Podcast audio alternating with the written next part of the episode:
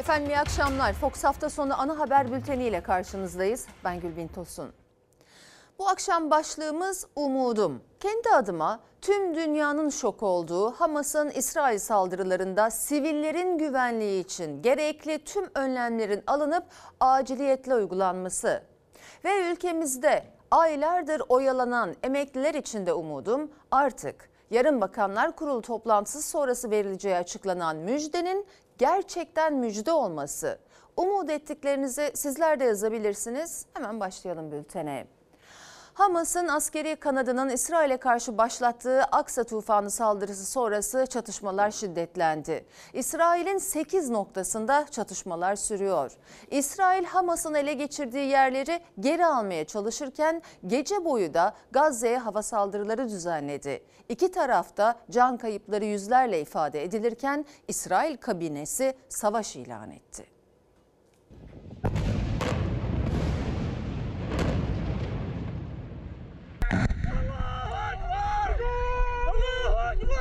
Hamas'ın İsrail'e karşı başlattığı saldırı savaşa dönüştü. İsrail Başbakanı Netanyahu intikam alacağız diyerek sivillere Gazze'yi boşaltma çağrısı yaptı.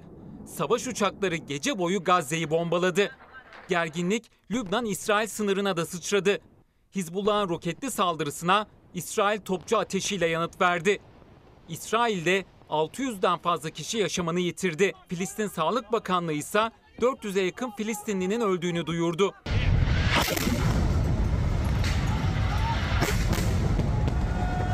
Hamas'ın İsrail'e karşı başlattığı ve Aksa tufanı adını verdiği saldırı ve İsrail'in verdiği karşılıkla Orta Doğu bir kez daha kan gölüne döndü. Hamas Gazze şeridi sınırlarını karadan ve havadan aştı. İkinci günde de İsrail topraklarında şiddetli çatışmalar yaşandı. Hamas güçlerinin Siderot kentinde ele geçirdiği bir karakolda çatışma 20 saat sürdü. İsrail kuvvetleri karakolun kontrolünü yeniden sağlamak için buldozer, tank ve füze kullandı. Çatışmada 10 Filistinli ve rehin alınan 20 İsrail polisi hayatını kaybetti.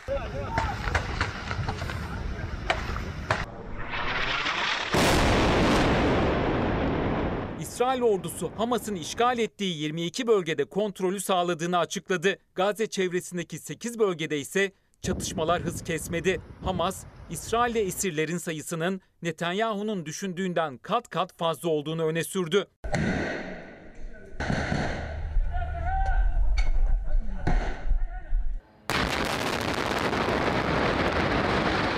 İsrail Hamas'ın saldırılarına demir kılıçlar operasyonuyla misilleme yaptı. Güvenlik kabinesi toplantısı sonrası Başbakan Netanyahu kameralar karşısına geçti. Hamas'ın saklandığı her yere ulaşacağız diyerek Gazze sakinlerinin oradan uzaklaşmasını istedi.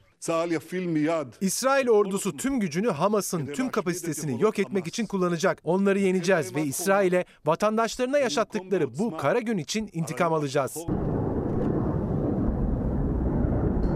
Açıklama sonrası İsrail savaş uçakları Gazze'yi bombardımana tuttu. Hava saldırısı ev cami demeden gece boyunca devam etti. İsrail Hamas'a ait dört büyük binayı ve örgüte ait üst düzey isimlerin evlerini vurduğunu duyurdu. Filistin ise binaların askeri amaçlarla kullanıldığı iddialarını yalanladı.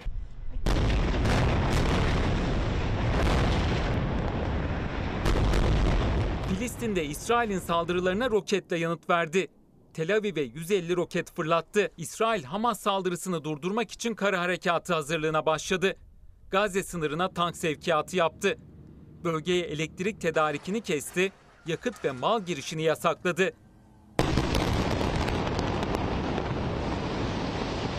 İsrail-Lübnan sınırında da tansiyon yükseldi. Lübnan Hizbullah'ı İsrail ordusuna ait radar kulesini roketle vurdu. İsrail ordusu saldırıya top ateşiyle yanıt verdi. Hizbullah'ı Hamas'ın başlattığı askeri gerginliğe karışmaması konusunda uyardı.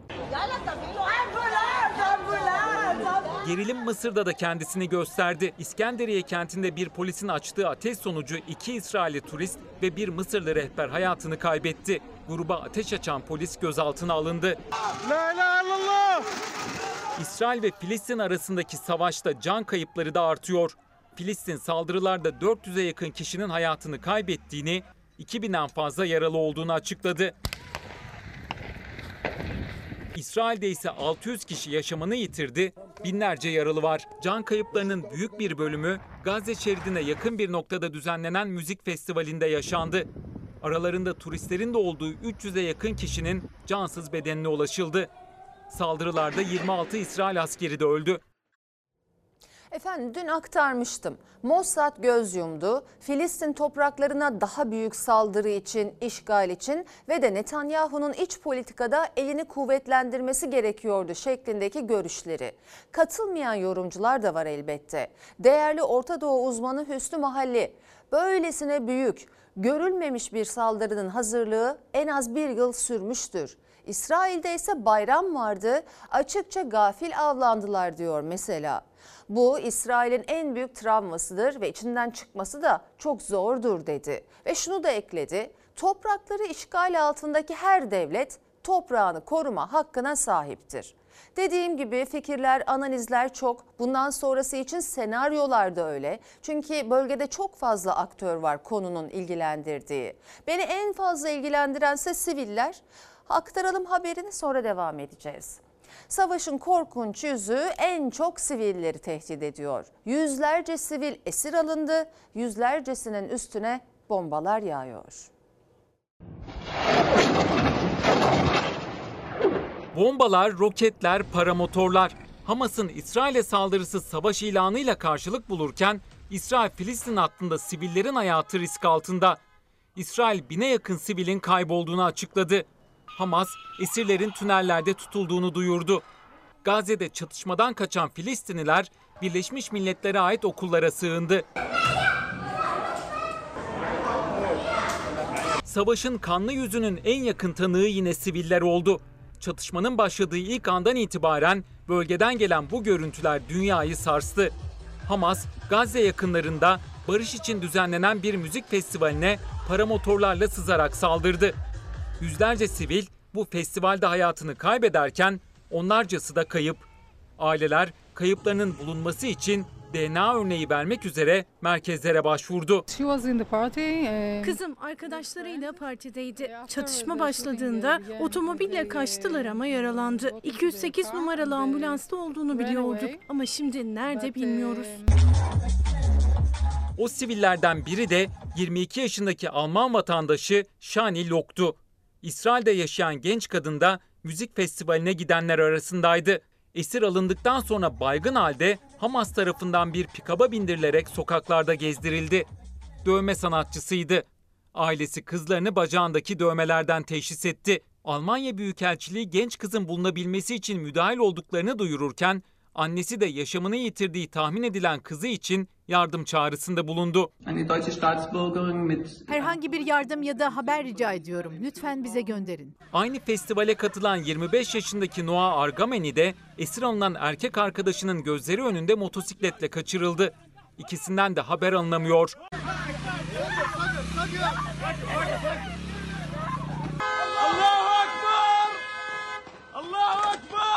Bir başka kadın da ellerine ters kelepçe takılarak esir alındı.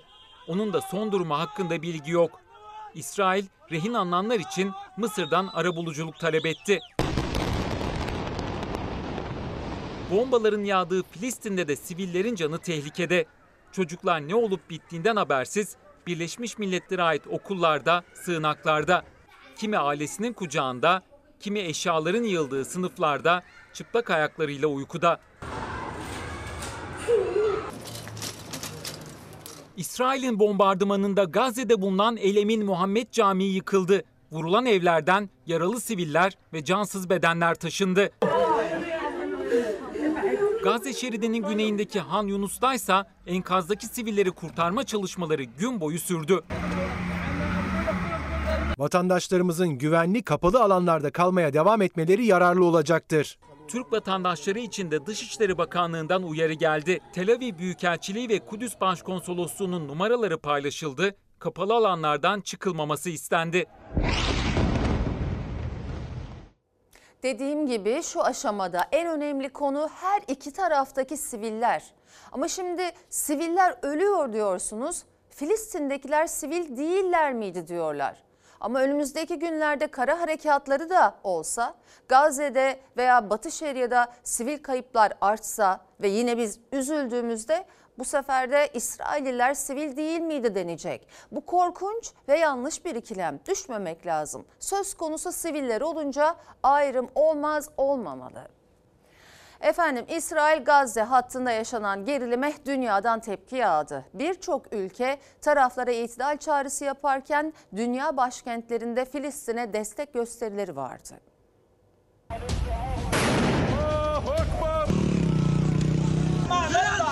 Hamas'ın Aksa Tufanı adını verdiği saldırı ve İsrail'in karşılığı dünyayı ayağa kaldırdı. Birleşmiş Milletler Güvenlik Konseyi acil toplantı kararı aldı. Amerika Birleşik Devletleri İsrail'e tam destek verdi.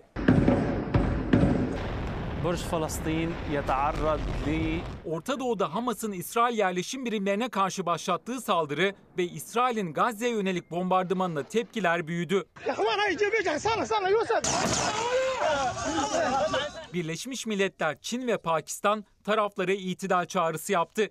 Birleşmiş Milletler Güvenlik Konseyi İsrail-Filistin gündemiyle olağanüstü toplantı kararı aldı. Katoliklerin lideri Papa Francis lütfen saldırıları ve silahları durdurun çağrısı yaptı.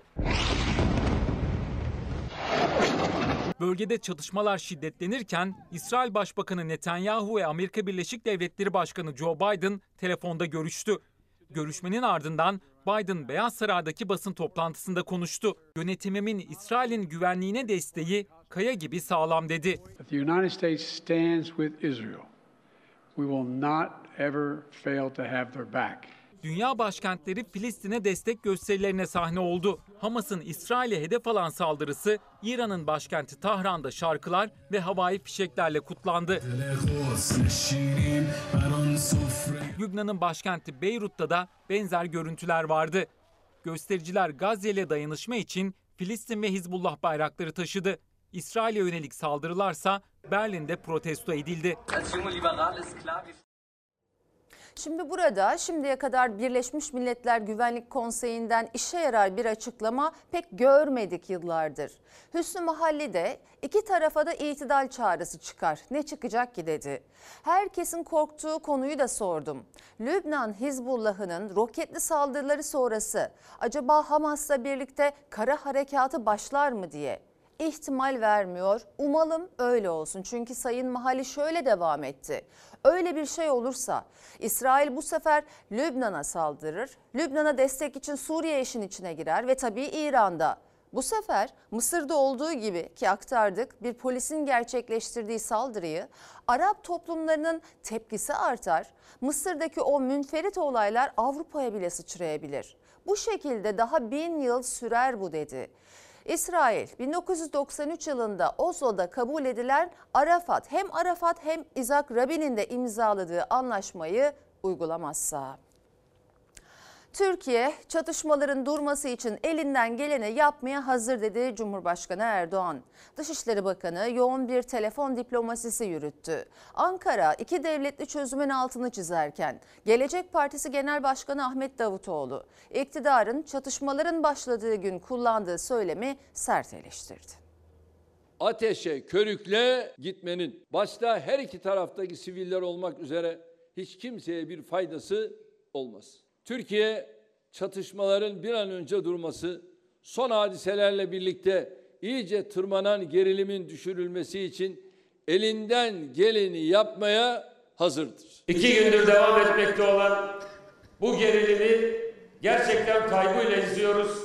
Hamas-İsrail arasında iki gündür yaşanan çatışmaları Türkiye hem dikkatle ve kaygıyla izliyor hem de diplomasi trafiği sürüyor. Bir gün önce itidal çağrısında bulunmuştu Erdoğan. Yeni günde çözümün yolunu gösterdi. İki devletli çözüm perspektifinin muhafazası son derece önemlidir. 1967 sınırları temelinde bağımsız ve coğrafi bütünlüğü haiz, başkenti Kudüs olan bir Filistin devletinin hayata geçirilmesi artık ertelenemez bir ihtiyaçtır. Filistin meselesinin uluslararası hukuka göre çözülerek bölgenin huzura, kalıcı barışa ve istikrara kavuşmasıdır. Başkenti Doğu Kudüs olan Filistin devleti tamamıyla müstakil hale gelinceye kadar Orta Doğu'daki bu kargaşa sona ermeyecektir. Filistin halkının meşru ve haklı talebinin terör eylemleriyle kirletilmesi kabul edilebilir değildir. Filistin öteden beri hak arayan bir ülkedir. Filistin halkının her zaman yanındayız. Türkiye'de iki parti dün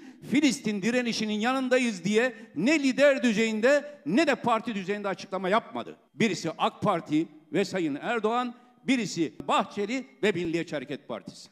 Bu ayıp size yeter. Erdoğan bağımsız Filistin devleti Kudüs üzerine mesajlarını İstanbul'daki Mor Efrem Süryani Kadim Ortodoks Kilisesi'nin açılışını yaparken verdi. Bir gün önce AK Parti kongresinde yaptığı konuşmaysa eski Başbakan Davutoğlu'nun sert sözlerle tepkisini çekti. Türkiye olarak sabah İsrail'de meydana gelen hadiseler ışığında tüm tarafları itidalle hareket etmeye, gerilimi daha da tırmandıracak fevri adımlardan uzak durmaya çağırıyoruz. Acı olan ne biliyor musunuz? Dikkatlice dinletin. Burada Filistin yok.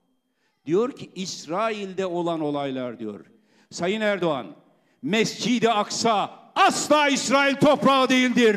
Kudüs asla İsrail toprağı değildir. Gazze İsrail toprağı değil ve olmayacak. One minute diyen Erdoğan'a yakışmadı. Dışişleri Bakanı Hakan Fidan, İsrail-Hamas gerilimi sonrasında telefon diplomasisi yürüttü. Katar, Suudi Arabistan, Mısır, Filistin, İran, Ürdün görüşmelerini Amerika Birleşik Devletleri'nin Dışişleri Bakanı'yla İspanyalı mevkidaşı da izledi. İki gündür Türkiye'nin çeşitli illerinde de Filistin'e destek gösterileri birbirini izledi.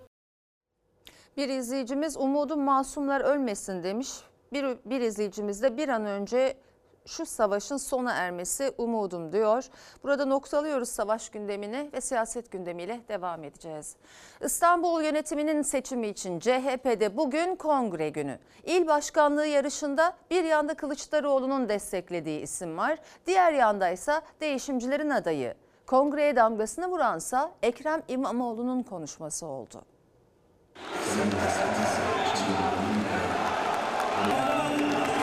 İstanbul'u kazanacağız.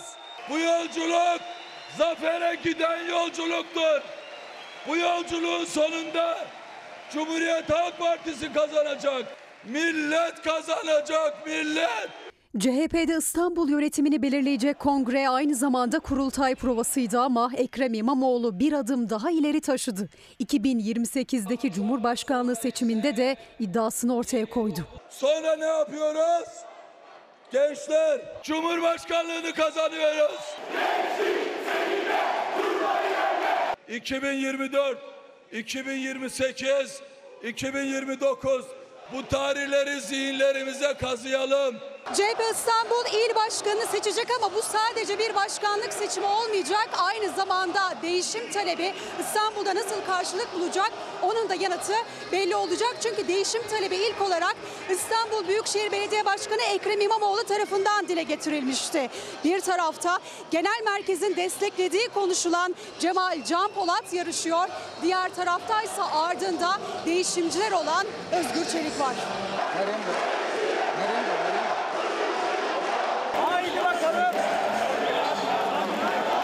Her iki aday için de destek sesleri yükseldi salondan. Cemal Can Polat, Kılıçdaroğlu fotoğrafının da yer aldığı pankartında asla yalnız yürümeyeceksin mesajıyla adaylık yarışındaydı. Özgür Çelik'in pankartındaysa İstanbul için biz varız sloganı yer aldı sadece. Eski İstanbul İl Başkanı Canan Kaftancıoğlu ise değişimcilerden tepki alarak çıktı sahneye. Son kez karşınızdayım. Sayın Kılıçdaroğlu'na kişisel ve özel teşekkürümü ediyorum. Kendisine yaptığım eleştirileri herhalde bu salonda yarısını birine yapsaydınız bana düşman olurdunuz. Biz birilerini dışlayan, anlayışı asla temsil etmeyen bir ekibiz. Buradan ne yapacağız biliyor musunuz? Buradan birleşerek çıkacağız. Önümüzdeki taşları temizleyin. Ayağınıza taş değmesin.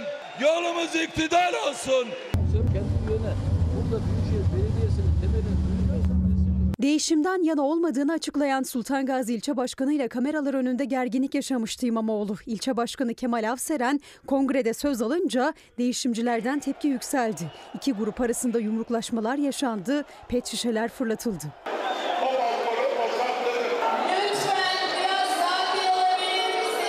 En çok delege İstanbul'da ipi göğüsleyenin kim olacağı CHP kurultayının matematiği içinde ipucu olacak. Seçimlerden sonra partiler kongre kurultay sürecine girdi. CHP değişim tartışmalarıyla Kasım ayının ilk haftası büyük kurultaya hazırlanırken Cumhurbaşkanı Erdoğan da değişim esintisi diyerek MKYK kadrolarının üçte ikisini kapsayacak şekilde isim değişikliği yaptı. Bu değişiklik iki ismin Şamil Tayyar'la Savcı Sayan'ın tepkisine yol açtı. AK Parti'de böylesine bir itiraz ilk kez gözler önünde yaşandı. Şamil Tayyar parti içindeki bir hizbin partiyi çürüttüğünü dile getirdi. AK Parti'nin her kongresi bir değişim esintisi eşliğinde gerçekleşir. Bugünkü kongremizde de yeni bir değişimi AK Parti'de göreceksiniz. Cumhurbaşkanımızın azametini kendi gölgesi sananlar Erdoğan sonrası hesaplarını değişim ambalajıyla sunuyor. Yozlaşmayı tetikleyen bu hizip AK Parti'yi için için çürütüyor. Bazı isimlere sadece Cumhurbaşkanıma ve partime yanlışım olmasın diye oy verdim. Yoksa asla oraya seçilmeyi hak etmiyorlar. Erdoğan değişim esintisi diyerek AK Parti'nin karar organı Merkez Karar Yönetim Kurulu'nda köklü değişiklik yaptı. Birçok isim çizik yedi. Bu dönem listede olmayan isimlerden biri Şamil Tayyar ne değişim yeterli ne de ekip dedi. AK Parti için ilk kez hizipçilik çıkışı yaptı. Oy oranının %50'den 35'e inmesinin siyasi sosyal sebeplerini üreten bu yoz akıl belediye başkan adaylarının belirlenmesinde de etkili olursa telafisi güç, siyasi hasarlar oluşabilir. Üzgünüm. Bir ekip cehenneme giden yolu iyi niyet taşlarıyla döşüyor. İyi insan olabilirler ama asla iyi partili değiller. Mayıs'taki seçimde partimizin adaylarının aleyhine çalıştılar. İlçe başkanımıza az çalışın dediler. Bugün o şahıslara birliğimiz adına oy verdim ama içim cız etti. Partimizin birliği ve Cumhurbaşkanımıza olan sadakatimizden dolayı kızılcık şerbeti içtik demeye devam edeceğiz. AK Parti'yi yerel seçimlere götürecek 75 kişilik Merkez Karar Yönetim Kurulu'nun yarıdan fazlası değişti. 49 isim liste dışı kaldı. MYK'daki değişimse sınırlı kaldı. 18 üyeden sadece 4'ü değişti. Tepkiler de arka arkaya geldi.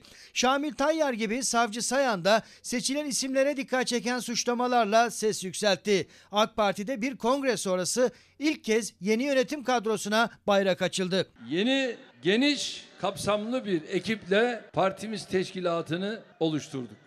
Eleştirileri için uyarı ve tespit notunu düşen Tayyar, tepki olarak sosyal medya hesabındaki kişisel bilgiler bölümünden AK Parti'yi kaldırdı. Sadece siyasetçi yazdı. Sosyal medya paylaşımlarıyla Erdoğan'a kendisinden sonrası için liderlik hesabı yapanlardan söz etti. Kazan sadece AK Parti'de kaynamadı. İyi Parti'de de genel merkezde fikir ayrılığı Ankara'da istifa getirdi. 81 ilde çıkaracağız. İstanbul ve Ankara dahil mi? Ankara dahil. 81 ilde işbirliği olmaksızın yerel seçimlere girilmesi kararının ardından Ankara açısından işbirliği yapmamız gerekliliği konusundaki görüşümüz parti yönetimimizle çeliştiği için görevimizden istifamız kaçınılmazdır. Akşener'in aksine yerel seçimde Ankara için işbirliğini savunan İyi Parti Ankara İl Başkanı aynı zamanda 2019 yerel seçimlerinde İyi Parti adına Mansur Yavaş'ın seçim koordinatörlüğü görevini yürüten Faruk Köylüoğlu istifa etti. Değişim rüzgarlarının estiği ve kurultaya gün sayan CHP'de de Genel Başkan adayı Özgür Özel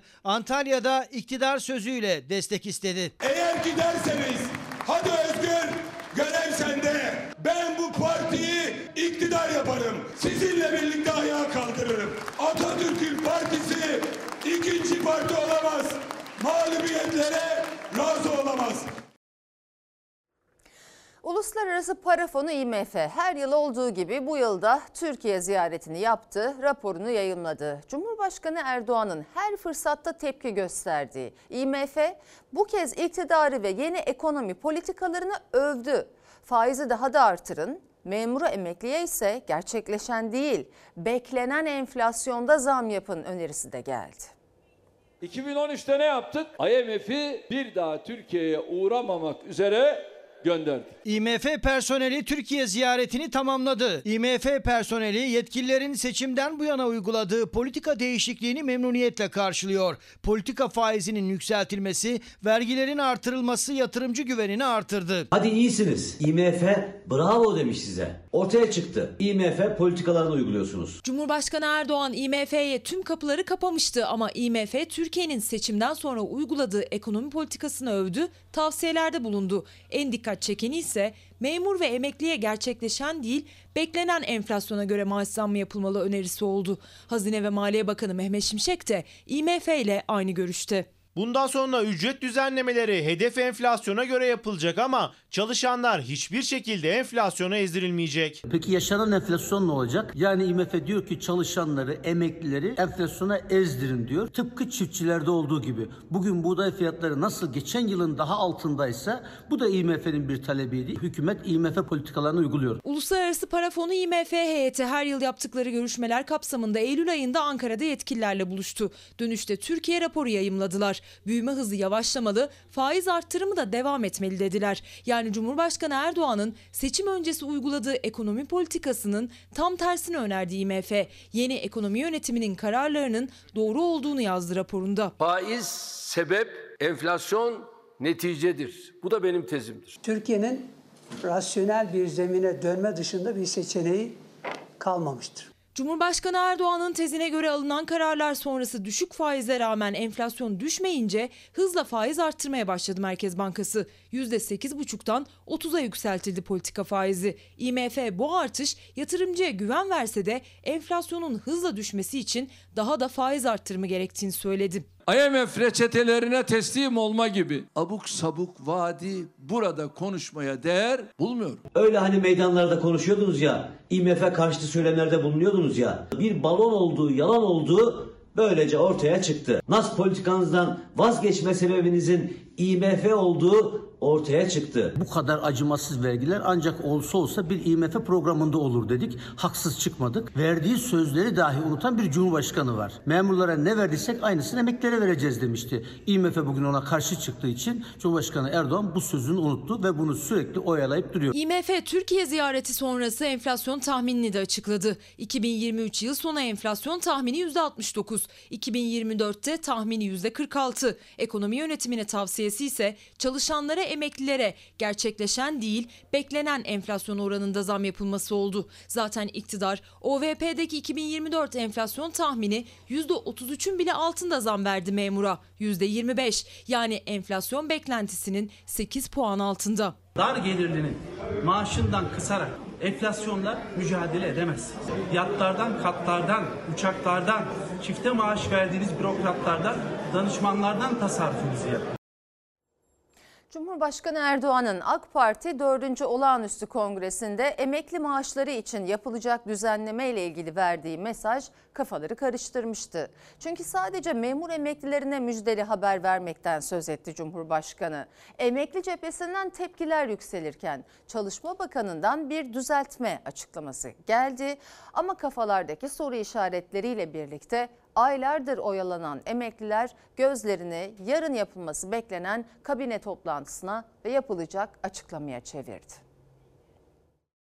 Özellikle emekli memurlarımızın maaşlarıyla ilgili şu anda bakanlığımız çalışmasını yapıyor. İlk kabine toplantımızdan sonra yeni müjdemizi de emekli memurlarımıza açıklayacağız. Bunu dil sürçmesine bağlıyoruz. Memur emeklilerine zamdan bahsetti. Diğer emeklileri dillendirmedi. Cumhurbaşkanı Erdoğan milyonlarca emeklinin merakla beklediği maaş zamları ile ilgili müjdeyi sadece memur emeklilerine vereceklerini söyledi. Hayal kırıklığıyla birlikte kafalar karıştı. Günün sonunda Çalışma Bakanı Vedat Işıkhan'dan düzeltme mesajı geldi. Memur emeklileriyle birlikte SSK ve Bağkur emeklilerini de saydı bakan mesajında. Emekliler ise tepkili. Cumhurbaşkanımız Sayın Recep Tayyip Erdoğan müjde olarak verdiği işçi, memur ve Bağkur emeklilerimizle ilgili çalışmayı kabine toplantısı sonrası milletimizle paylaşacak. Bu gayri ciddilik içerisinde emeklilere zam falan verilmez. Beklemiyoruz. Aynı günde Cumhurbaşkanı ve bakandan gelen iki farklı açıklamaya emekli örgütleri ses yükseltirken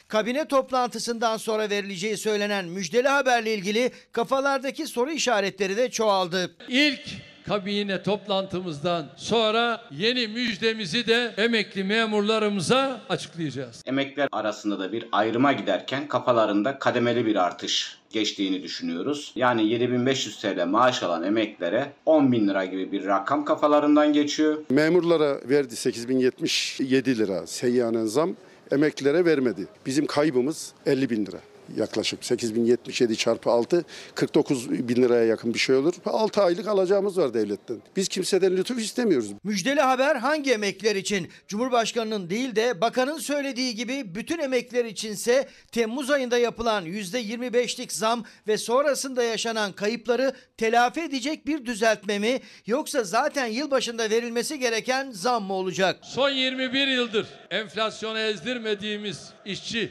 memur ve emeklilerimize inşallah önümüzdeki dönemde yeni müjdeler vermeye devam edeceğiz. Yılbaşından sonra zaten emeklere olması gereken Ocak ayında yapılacak artış var. Bu yılbaşından önce karara bağlanacak ama Ocak ayında uygulanacak. En düşük emekli maaşı tabanının 15.500 TL'ye yükseltilmesini ve bunun üzerine de bütün emeklere ayrımsız bir şekilde %25 enflasyon farkının verilmesini talep ediyoruz. %50 civarında Ocak ayında bir şey verecekler, emekliyi susturacaklarını sanıyorlar. Oysa emeklinin maaşından kayıp ENAG'ın hesaplamasına göre yıllık %186'larda. İmzayı görmeden inanmak istemiyoruz. Cebimize girmeyen para bizim değildir. Emekliler kök maaşlarına önce kayıplarını telafi edecek bir düzeltme, üzerine de enflasyon farkıyla birlikte hesaplanacak bir zam beklerken gözler haftanın ilk gününde toplanması beklenen kabine toplantısından çıkacak müjdeli haberde. Dili sürçmüştür diye düşünmüştüm Cumhurbaşkanı'nın. Neyse ki doğru çıktı diyeceğim ama bakanların sözlerinin de bir anlamı olmadığını sayısız kez gördük. Tek bir kişinin iki dudağı arasında her şey olunca böyle oluyor. Şimdi de müjde müjde diye yarını bekliyor milyonlarca emekli. Ben 29 Ekim için de hala umudumu korumak istiyorum. Ara zam mı, ikramiye mi adı her neyse. Yalnız Ocak ayına kadar birkaç günde bir emeklilerin yüreğini ağızlarına getirmeyin artık. Sayın seyirciler kayıtlı oldukları yurdun inşaatı üniversitelerin açıldığı güne yetişemeyen öğrenciler kapıda kalmıştı. Bir haftanın sonunda yurtlarına kavuştular ama bin bir zorlukla bu kez de taşınma çilesi yaşadılar. Bütün öğrenciler yollarda serilmişler. Sabahın 8.30'dan beri e, bütün e, yurdun önünde rezil olmuşlar. Sürekli taşıyoruz insanları. Ya bu kadar öğrencileri mağdur edilmez. Biz çok servis sırası bekledik güneşin altında. Bayağı bavullarla birlikte mağdur olduk. Bu kadar kişi bir haftadır zaten açılmasını bekliyorduk. KYK yurdunun inşaatı üniversitelerin açıldığı güne yetişmedi. Öğrenciler kalacakları yurdun inşaat halinde olduğunu geçen hafta yurdun kapısında öğrendi. Geçici olarak İstanbul'un diğer ucundaki yurt ve misafirhanelerde kalan öğrenciler bir hafta gecikmeli de olsa Beşiktaş'taki yurtlarına girebildi. Bu sefer de taşınma çilesi çektiler. Üniversitelerin açıldığı güne yetişemeyen ve inşaat halinde olan öğrenci yurdu artık an itibariyle açılıyor. İnşaat dışarıda devam etse de öğrenciler artık yavaş yavaş yurtlarına yerleşmeye başladılar. Ben Ordu'dan geldim. Buraya inşaattı ve bize haber verilmedi inşaat oldu. Biz inşaat olduğunu bilmeden şehir dışından geldik. İstanbul'u hiç bilmiyorum. İlk kez geldim. İstanbul'un öbür ucuna vermişler ve çok zordu. Oradan buraya sadece 2-3 servis geliyor. Herkes sırada bekliyor. Artık hepimiz taksiyle gelmek zorunda kaldık. Taşınma sürecinde öğrencilere verilen servislerde yetersiz kaldı. Bu yüzden öğrenciler taşındıkları yurda taksilerle geliyorlar. Bir de taksi ücreti ödemek zorunda kalıyorlar. Nereden geldiler? Kurtuluş'tan. Ne kadar tuttu? 115. Bu e, ticari araç şu anda Avcılar'dan buraya geldi. 4 öğrenci kullandı ve toplamda 1166 lira yol parası ödemek zorunda kaldı öğrenciler. Kişi başı 250 tuttu. Parasını ödedikleri KYK yurdunda bir hafta boyunca kalamadı öğrenciler. Misafir edildikleri yerlerden yurda ulaşım için de yine para ödediler. Ancak maddi yükleri bunlarla da sınırlı değildi. Benim kızımı misafirhaneye verdiler. Herhangi bir ücret vermezsiniz. Yemekler de tamamen ücretsiz dediler. Bir kahvaltı yani ondan o da ücretli aynı şekilde. Akşam yemeği hiç yok. Hafta sonları hiç yemek yok. Ekstra kalmak için ücret istediler. Kimsenin kimseden haberi yok. KYK'yı arıyorum. Olur mu öyle şey biz sizi misafir gönderdik. Ücret olmaz öyle bir şey yok. Siz zaten biz ücret ödediniz diyorlar. Oraya gidiyorum hayır ücret ödeyeceksiniz diyorlar. Ben zaten depremzedeyim. Gaziantep'ten gelmişim. Yurtlarının inşaat halinde olduğunu kapıda kalınca öğrenmişti öğrenciler. Aradan bir hafta geçti. Bu kez de yurdun açıldığı haberi verilmedi. Üniversitede ilk hafta Beşiktaş KYK yurduna kayıtlı öğrenciler için çok zor geçti. Aransaydık güzel olurdu. Arkadaşlarını öğrendi yurdun açıldığını. Biz de toplandık geldik şimdi. Yurdun açıldığı da mı haber verildi? Yok henüz haberimiz yoktu bizim.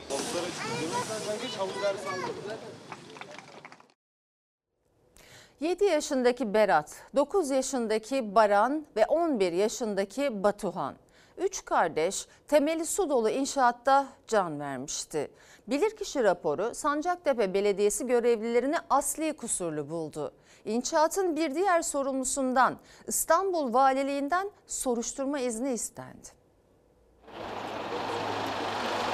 İnşaat temeli var ama bir tane güvenlik yok ya da bir önlem yok. Üç kardeşe mezar oldu temeli su dolu inşaat. 7 yaşındaki Berat, 9 yaşındaki Baran ve 11 yaşındaki Batuhan Sağın kardeşler boğularak can verdi. Aylar önce Sancaktepe Belediyesi ve İstanbul Valiliği işbirliğiyle başlatılan cemevi inşaatında önlemler yetersizdi.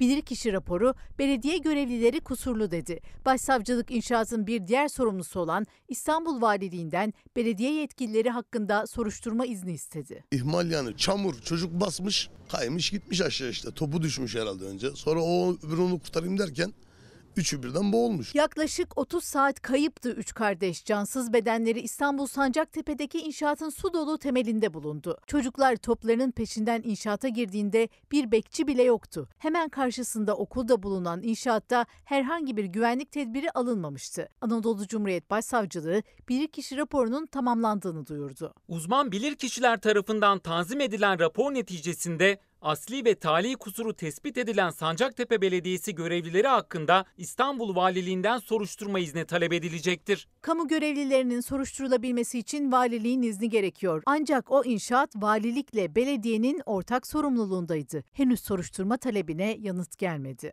Üç kardeşin ölümüne sebep olan inşaat alanında alınan tek önlem o da rüzgarla parçalanmış durumda. Olayın üzerinden neredeyse bir hafta geçti. Daha soruşturma bile başlatılamadı. İnşaatın etrafı tamamen kapatılmış, ilgili alanda gerekli tüm güvenlik önlemleri alınmıştır. Temel atıldı, kazıldı. Kazıldı, o şekilde bırakıldı. Temeli kazılıp bırakılan inşaata ilişkin Sancaktepe Belediyesi çocuklar öldükten sonra önlemler alındı demişti ama hala temel su dolu ve çevresinde tedbir yok. Gözler İstanbul Valiliği'nin soruşturma iznine vereceği yanıtta. Benim üç tane çocuğum gitti. Peşini bırakmayacağız.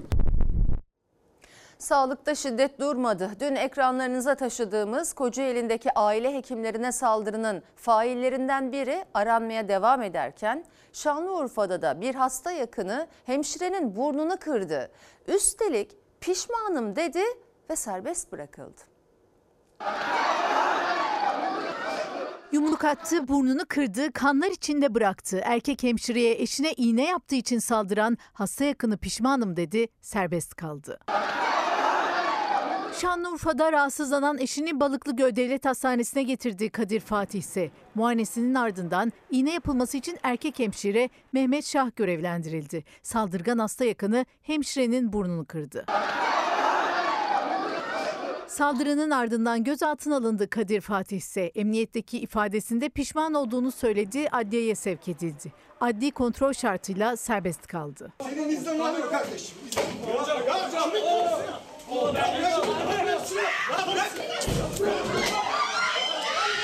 Sen benim ne kadar büyük olduğumu bilmiyorsun diye sağlık teröristinin yüzüne sen kanundan büyük değilsin diye haykırdım. Ve bunun sonucunda darbe yedim. Kocaeli'nde de aile hekimlerine saldırdı hasta yakınları. Dakikalarca darp edilen doktorlardan Ahmet Murat Kazan o anları anlattı. Doktor Yılmaz az kalsın o bahsettiğim son nefesi veriyordu. Neyse ki daha alıp verecek nefesi varmış. Şükür ki hastalarına nefes olmaya devam edecek. Üç hekime öldüresiye saldıran baba tutuklandı, eşine ev hapsi verildi. Oğluysa hala firari. Kocaeli Tabip Odası o saldırganın da yakalanmasını ve doktorların canına kasteden şehir eşkıyalarının en ağır cezayı almalarını istedi. Sağlıkta şiddet son bulsun diye yetkililere seslendiler. Yetkililerden Saldırganların bir an önce cezalandırılmasını, sağlıkta şiddetin son bulmasına yönelik önlemlerin alınmasını ve yaptırımlar yapılmasını istiyoruz.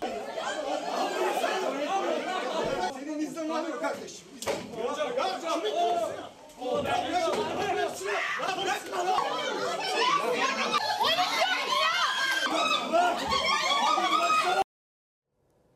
Depremzedeler sanatla yeniden hayata tutunabilsin diye bir seramik sanatçısı harekete geçti. Hatay'a atölye kurmak istedi ama yer bulamadı. Gizem Albayrak'ın depremzedeye istihdam sağlamak için çıktığı yolda her adımda karşılaştığı zorluklar destek olmanın dahi nedenli zor olduğunu gösterdi. maddi ve manevi olarak çökmüş durumdayım. Tek başıma e, hiçbir şey yapamıyorum. Sosyal medyadan gözyaşlarına hakim olmaya çalışarak böyle seslendi seramik sanatçısı Gizem Albayrak. Aylardır seramik atölyesini depremin vurduğu Hatay'a taşımak için çabalıyor. Ancak tüm kapılar bir bir yüzüne kapanıyor. Oysa hem istihdam sağlamak istiyor depremzedelere hem de seramik öğreterek onlara iyi gelmeyi hedefliyor. İşleri olmadığı için sürekli o kafesin içinde yaşıyorlar. Sürekli aynı döngüdeler ve sürekli bir yardım bekliyorlar. Hem devletten hem insanlardan. Sanatla uğraşırlarsa e, hem onlar için daha başka bir dünya hem bir nefes alma, bir can suyu. 6 Şubat depremlerinin hemen ardından soluğu Hatay'da aldı Gizem Albayrak. Yaraları sarmak için mücadele verdi ama yetmediğini fark etti. İzmir'deki seramik atölyesini Hatay'a taşıma kararı aldı. Hatay Büyükşehir Belediye, Antakya Belediyesi, Arsuz Belediyesi. Bunun dışında e, sanırım Hatay'daki milletvekillerinin çoğuna ulaşmaya çalıştım. Yazdım da E, dönüş yapan hiç kimse olmadı. E, bir sürü markaya yazdım, bir sürü şirkete yazdım. Herhalde e, 1500-2000'e yakın e-mail gönder göndermişimdir. Cevap yok. Çalmadığı kapı kalmadı ancak bir adım ilerleyemedi. Gizem Albayrak'ın sadece iki konteynerin sığabileceği bir yere ihtiyacı var. Kadınlara, Down sendromlulara ve depremde uzuv kaybı yaşayanlara açacak seramik atölyesinin kapısını. Şimdi bu üç grubu birleştirip e, bir eğitim vermek istiyorum. Bu eğitimin sonunda da üretime katılıp e, maaşlı ekip arkadaşlarım olacaklar. Bana bir yer versinler, e, altyapısını sağlasınlar. Sonrası bende zaten her şeyim hazır. Seramik atölyesini kurabileceği bir yer bulabilirse ücretsiz eğitim verecek depremzedelere. Sonrasında seramik yapımını öğrenen depremzedeler de onunla beraber çalışıp para kazanabilecek. Gizem Albayrak'ın tüm bunlar içinse hayallerine inananlara ve onu destekleyeceklere ihtiyacı var. Haftanın her günü ücretsiz yemek çıkacak e, çalışanlar için. Onu yapan e, bir kadına ihtiyacım var. O para kazanacak. E, oradaki temizliği yapan kadına ihtiyacım var. O para kazanacak.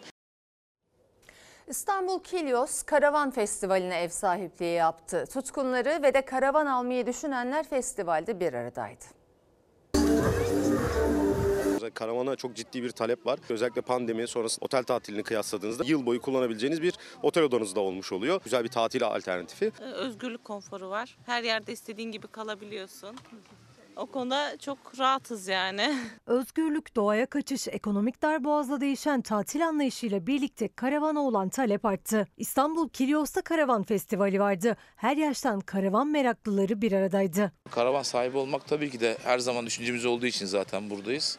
Hem bir altyapı çalışması yapıyoruz. Bir de zamanını da uydurmak çok önemli fiyatlarından. Karavan hayatını yaşayabilmek için. Karavan fiyatları da ortalama 150 bin liralardan başlıyor. 6 milyona kadar gidiyor. Çok ciddi her e, fi- aileye göre, her kişiye göre farklı farklı modellerde ve yenilenerek, değişerek e, devam ediyor üretimler. Festivalin en ucuzu 150 bin liradan başlayan bu çekme karavanlar tasarımına özelliklerine göre fiyatlar artıyor. Çekme karavanımızın fiyatı 430 bin lira. 3 kişilik bir karavan. Ya isteğe göre 4 kişilik de olabiliyor. Açılır kapanır ranza da yapabiliyoruz. Ocağımız var. Masalarımız yatak konumuna gelebiliyor. Şu an buradaki en uygun karavanlar bizimkiler diyebiliriz. Karavanların fiyatları özelliklerine göre değişiyor. Örneğin bu karavan 4 kişinin rahatlıkla kalabileceği bu karavanın fiyatı 2 milyon lira. Karavanın özelliklerine baktığımızda ise bir adet mutfak bölümü, tuvalet, banyo, oturma alanı ve yemek bölümü bulunuyor. Günümüz şartlarında karavan fiyatları çok uçuk. Ee, bizler de daha çok çadır tercih ediyoruz o yüzden. Ama gönül ister ki herkesin bir karavanı olsun. Bizim karavan adı Mimoza. Mimoza ile tanıştık. Mimoza'yı aldık. Hafta sonlarımızı ve yıllık izinlerimizi, tatillerimizi hep Mimoza ile geçiriyoruz. Genelde doğadayız. Çocuklarımız şu ana kadar AVM yüzü görmedi. Hep karavanda ve doğada. Şehir hayatının stresinden, gürültüsünden bir kaçıştı karavan. Artık pek çok aile için yaşam tarzına dönüştü. Özellikle de yüksek otel ücretlerine alternatif arayan beyaz yakalılar için. Eşimle 6 yıldır aslında karavanla seyahat ediyoruz. Biz e, çalışan bir çiftiz, beyaz yakalı bir çiftiz. Bir karavandan sonra bütün dünyamız çok değişti. Cuma'dan işte çıkıyoruz bir yerlere gidiyoruz. Pazartesi karavanla işe gelecek şekilde bir düzen oturttuk kendimize. Yılda 14 gün iznimiz vardı. Ama karavanla birlikte bu 14 gün en son hesapladık yaklaşık 90-95 günlere kadar çıkmış. Pazartesi direkt işe gelip içeride takımımızı giyip işe giriyoruz. Böyle bir hayata döndük. Çocuklu aileler de birbirleriyle deneyimlerini paylaştı. Karavan için cesaret verdi. Çocukla karavanda çok güzel olur. Kesinlikle. Mutlaka deneyin. Korkmayın ya. Kızım iki aylık şu an. Çocuklar için de daha da büyük rahatlık. Yani istediği gibi sokakta yani bahçesinde oynuyor, özgür yani. Dört duvar arasında değil. Çok rahatlık onlar için. Şimdi ara zamanı. Efendim Fox hafta sonu ana haber bültenini burada noktalıyoruz. Fox'ta yayın dizimiz Kirli Sepeti'nin yeni bölümüyle devam edecek. İyi bir akşam geçirmenizi diliyoruz. Hoşçakalın. Her köşesi